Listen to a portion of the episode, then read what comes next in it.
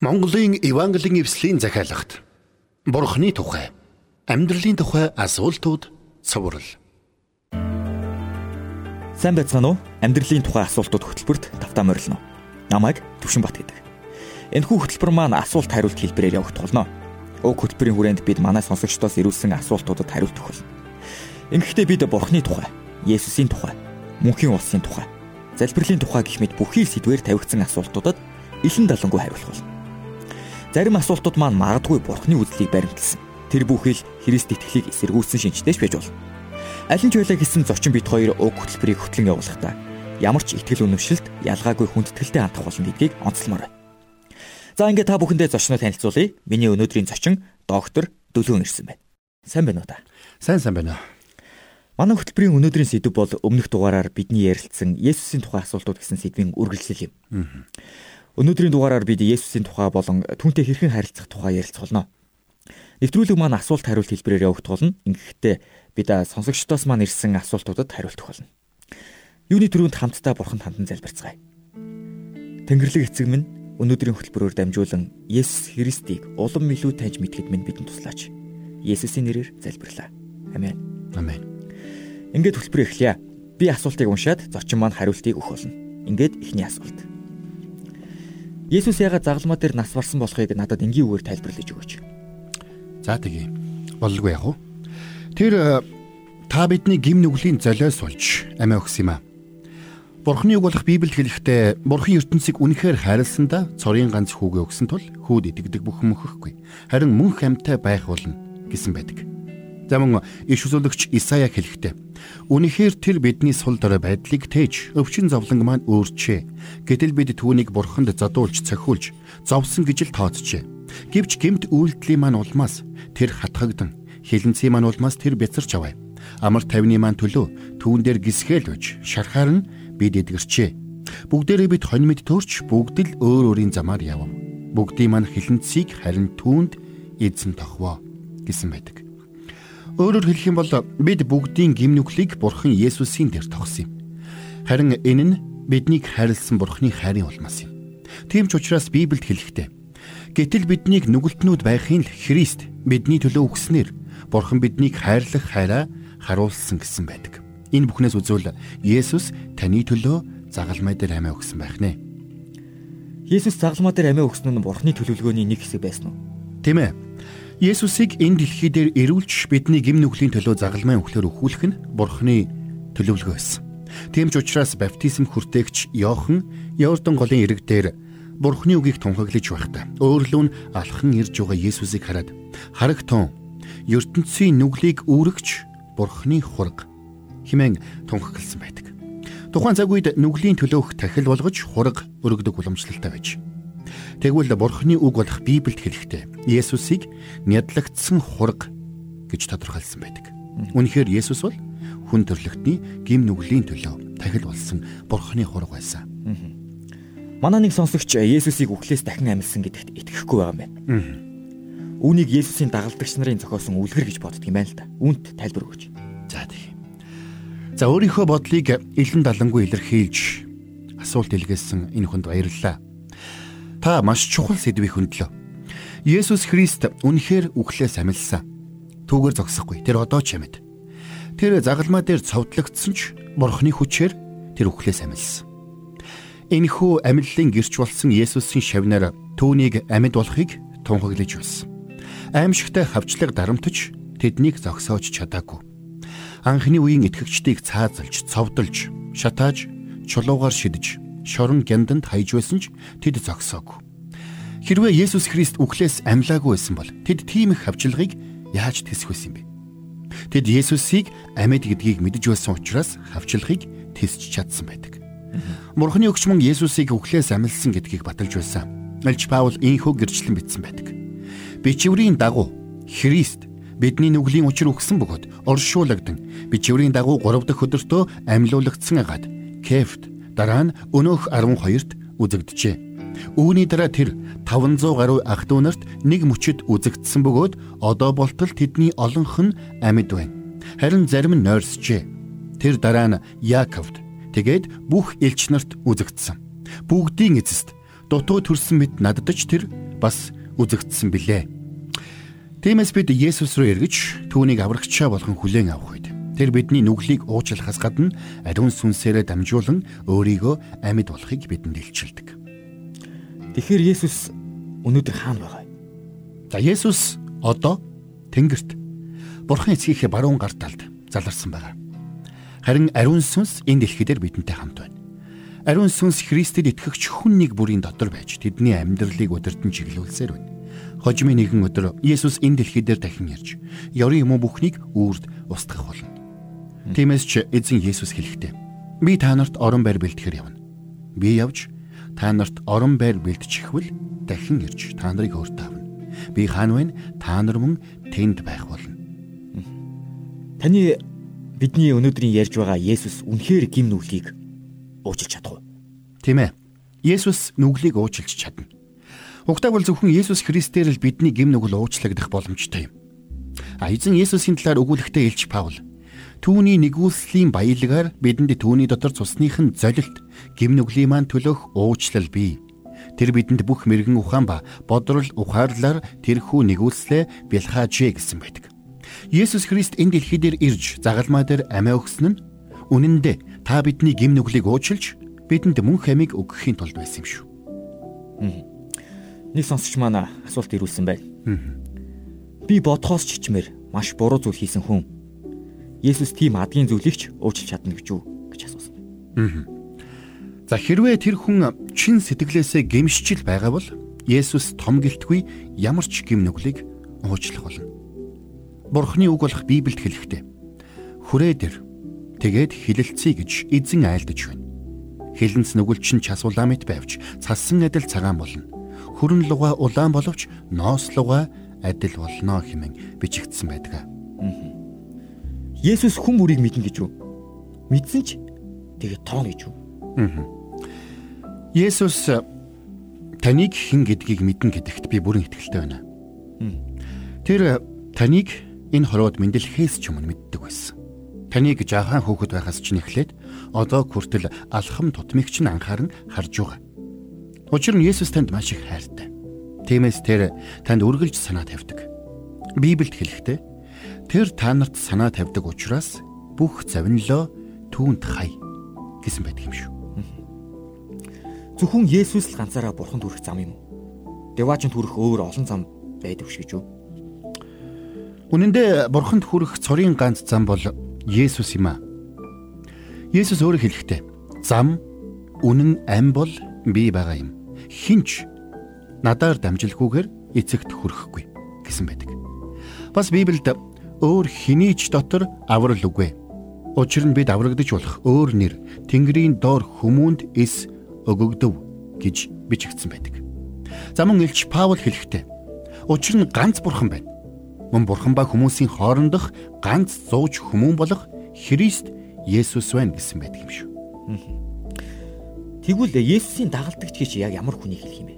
За Есүсийн дагалдагч гэдэг нь гим нүглээсээ эргэж Есүс Христийг аврагчаа хэмээн итгэж хүлээж авсан. Өдөр бүр түүнийг даган амьдрна гэж шийдвэр гаргасан хүнийг хэлж байгаа. Тэгэхээр ямар ч хүн Есүсийн дагалдагч болох боломжтой гэж ойлгож болох уу? Тэглэв яах вэ? Ямар ч хүн Есүсийн дагалдагч болж болно.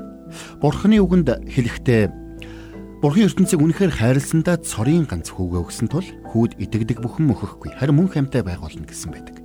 Энд бүх хүн багтана. Учир нь Бурхан хүн бүрийг хайрладаг. Хүн бүрийг Есүс бол аврагч гэдгийг мэдээсэй. Тэгээд түүнийг дагаасай гэж хүсдэг. Хөгшин залуу, эрэгтэй, эмэгтэй, баян ядуу хамаагүй ямар ч хүн Есүсийг дагаж болно ямар ч улс орны ямар ч үндэс угсаатай хүн Есүсийг дагаж болно. Есүсийг дагахад ямар ч хаалт хоригсаад байхгүй.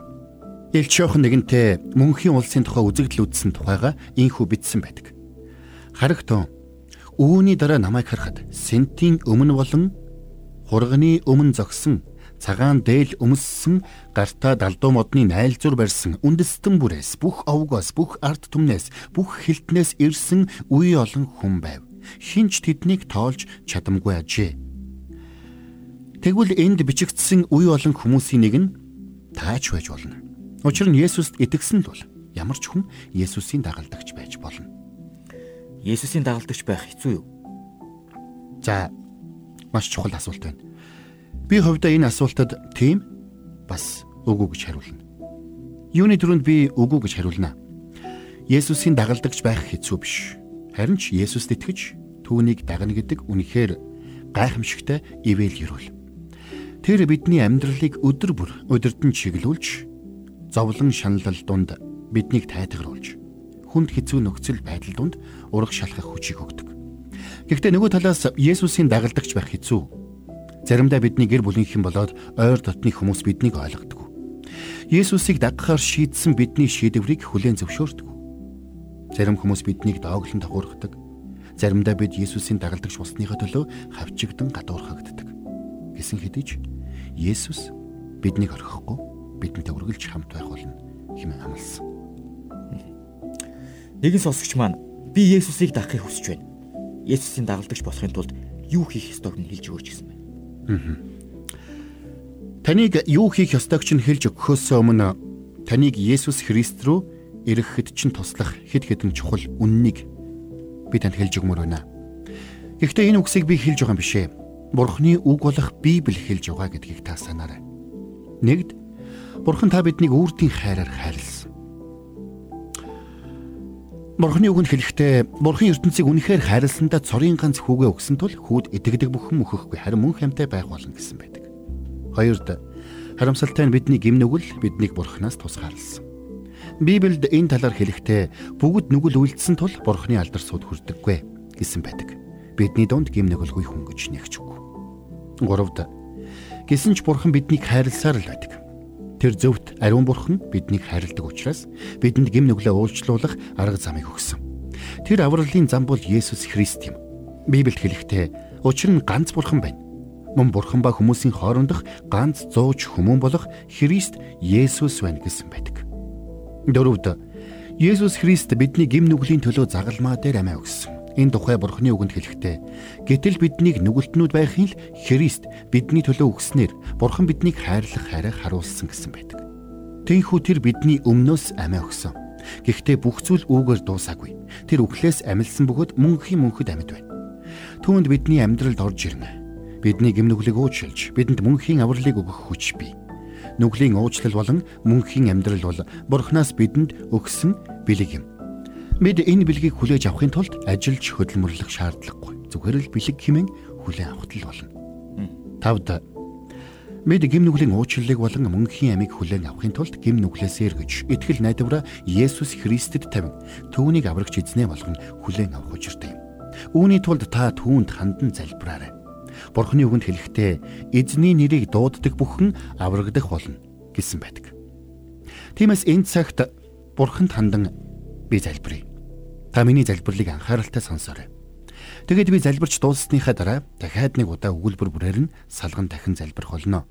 Та надтай хамт залбираарай. Бурхан минь ээ.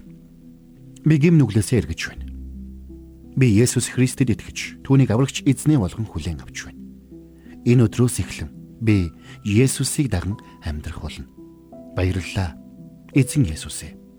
Намайг хайрлаж миний амьдралд ирсэн танд талархъя. Амен. Одоо хамтдаа залбирцгаая. Би нэг өгүүлбэр хэлээд түр саадах болно. Тэр үед та намайг давтаж хэлээрэй. Ингиж залбирахдаа та бурханд хандаж чангаар чин сэтгэлээсээ залбираарай. Бурхан минь ээ. Би гим нүглээсээ эргэж байна. Би Есүс Христэд итгэж түүнийг аврагч эзнээ болгон хүлээн авч байна. Энэ өдрөөс эхлээд би Есүсийг л даган амьдрах болно. Баярлалаа. Эзэн Есүс ээ. Намайг хайрлаж миний амьдралд ирсэн танд талархъя. Амен. Энэ онцгой залбирлыг хамт хийсэн танд баярлалаа. Бурхны гэр бүлд тавтаа морилно. Тавтаа морилно гэж хэлье. Есүст итгэж болсон хүмүүс цаашид хэрхэн амьдрах ёстой вэ? Маш чухал асуултыг асуусан танд баярлалаа. Бид Есүс Христийг аврагчаа болгон хүлээн авна гэдэг нь түүнийг даган амьдрах шийдвэр гаргаж байна гэсэн үг. Бид түүнд итгэсэн мөчид гим нүглийн уучлалыг болоод мөн хамиг бурхнаас хүлээн авдаг. Түүгээр зогсохгүй ариун сүнс бидний дотор нутгалж бидний өдөр тутмын амьдралд бидэнд тусалж эхэлдэг. Учир нь Бурхан биднийг Есүс Христэд итгэх итгэл дотор ямагт өсөж байгаасаа гэж хүсдэг. Христэд итгэгч бидний хувьд итгэлээр өсөх нэгэн чухал арга зам бол залбирал юм. Бид залбирлаар дамжуулж Бурхантай өдөр бүр ярилцаж, ивэл өрөөлүүдийнхин төлөө түүнд талархдаг байх учиртай. Бас бид буруу зүйл хийх үед Бурханы өмнө гимшин залбирдаг байх хэрэгтэй. Түүгээр зогсохгүй бид найз нөхөд гэр бүлийнхнээ Христийн дагалдагчд болохын төлөө залбирэн гуйдаг байх учиртай. Цаашилбал бид өдөр тутмын амьдралдаа мэрэгэн өдөрдөмж чиглүүлгийг авахын тулд Бурханаас асуун залбирдаг байх хэрэгтэй юм. Христэд итгэгч болсон хүмүүс итгэлээр өсч төлөвшөх өөр нэгэн чухал арга зам бол өдөр бүр Бурханы үг болох Библийг унших явдал юм. Залбирх үедээ бид Бурханд хандан үгээ хэлж байдаг бол Библийн үгийг унших үед Библийн үгсээр дамжуулан Бурхан бидэнтэй ярилцаж байдаг. Бурханы үг биднийг итгэлээ өсгөхөд туслаа зогсохгүй. Өдөр тутмын амьдралдаа хэрхэн зөв амьдрах заавар зөвлөгөөг бидэнд өгч байдаг. Тиймээс Библийн үгээс хэсэгхнийг уншиж мөн Бурханд хандан залбирснаар өглөө бүрийг эхлүүлэх нь итгэгч хүний хувьд хамгийн зөв алхам юм шүү. Бид Есүст итгэж болсныхоо төлөө хавчигдан гадуурхах тухал уу? Үннийг хэлэхэд та Христэд итгэснээсээ болоод хавчигдан гадуур хагдах магадлал маш өндөр юм. Есүсийг даган амьдрна гэдэг үнэндээ амаргүй. Есүсийг дагсныхаа төлөө хавчигдан гадуур хагдах нь инүүхэнд. Есүс өрөөч тэд намайг хавчсан бол та нарыг бас хавчих болно хэмээн хэлсэн байдаг. Тиймээс биднийг Есүст итгэж түүнийг дагсны төлөө хэн нэгэн хавчин гадуурхвал бид гайхах хэрэггүй. Гэхдээ эзэн Есүс өөрөө бидэнд ийхүү сануулсан байдаг зөвхт байдлын төлөө хавчигдагсад ерөөлтэйе. Тэнгэрийн хаанчлал тэднийх юм. Надаас болж та нарыг хүмүүс доромжилж, хавчиж, та нарын эсрэг зүсэн бүрийн ёрын юм худлаар ярихад та нар ерөөлтэйе. Тэнгэр дэх шагналч нь агуу учир баярлцгаа. Мөн хөөрөн баясацгаа. Учир нь та нараас өмнө байсан иш үзүүлэгчдийг тэд ийхүү хавчсан юм. Хэдийгээр биднийг итгэлийн маань улмаас хавчин гадуурхаж болгоч. Есүсийг даган амьдарч буй бидний амьдралд хайр болон уучлал ноёрхож байх учиртай. Тиймээс ч эзэн Есүс бидэнд би та нарт хэлье. Дайснуудаа хайрл. Та нарыг хавчигчдын төлөө залбир. Химэн сануулсан юм. Есүс өөрөө загалмаа дээр амьсгал хурааж багтаж Аава тэднийг уучлаач. Учир нь тэд юу хийж байгаагаа мэдэхгүй байна хэмээн залбирч байсан. Гэхдээ бид нэг зүйлийг санах хэрэгтэй. Мэд хавчлах зовлонтой ганцаараа нүүр тулдаггүй бидний амьдралд тохиолдож буй хавчлах дарамт нэг бүрийг бурхан мэддэг. Түүгээр зогсохгүй. Тэр үргэлж бидэнтэй хамт байж бидэнд тусалж байдаг. Тиймээс ч бурхан бидэнд би чамайг хизээж орхихгүй. Мөн чамайг хаяхгүй гэж амласан. Бидний амьдралд буй түүний амьд оршихуйн улмаас бид итгэлтэйгээр эзэн миний туслагч би айхгүй. Хэн надад юу хийж чадах вэ хэмээн тунхаглаж чадна. Тиймээс Есүсийг даган амьдрах итгэлийн амьдралын чинь өдөр хоног нэг бүрийг Бурхан ивэж ерөх болтугай. Маш баярлалаа. Баярлалаа. Өнөөдрийн хөтөлбөр маань энэ хүрээд өндөрлөж байна. Биднийг хүлээн аван сонссон сонсогч танд маш баярлалаа. Та бүхэн манай амьдралын тухай асуултууд хөтөлбөрийн дараа дараагийн дугааруудыг таалан сонсоорой. Монголын Евангелийн эвслийн захиалагт Бурхны тухай, амьдралын тухай асуултууд цовруул Цувралын талаар асууж тодруулах зүйл байвал 8085 99 тэгтэг дугаард холбогдорой.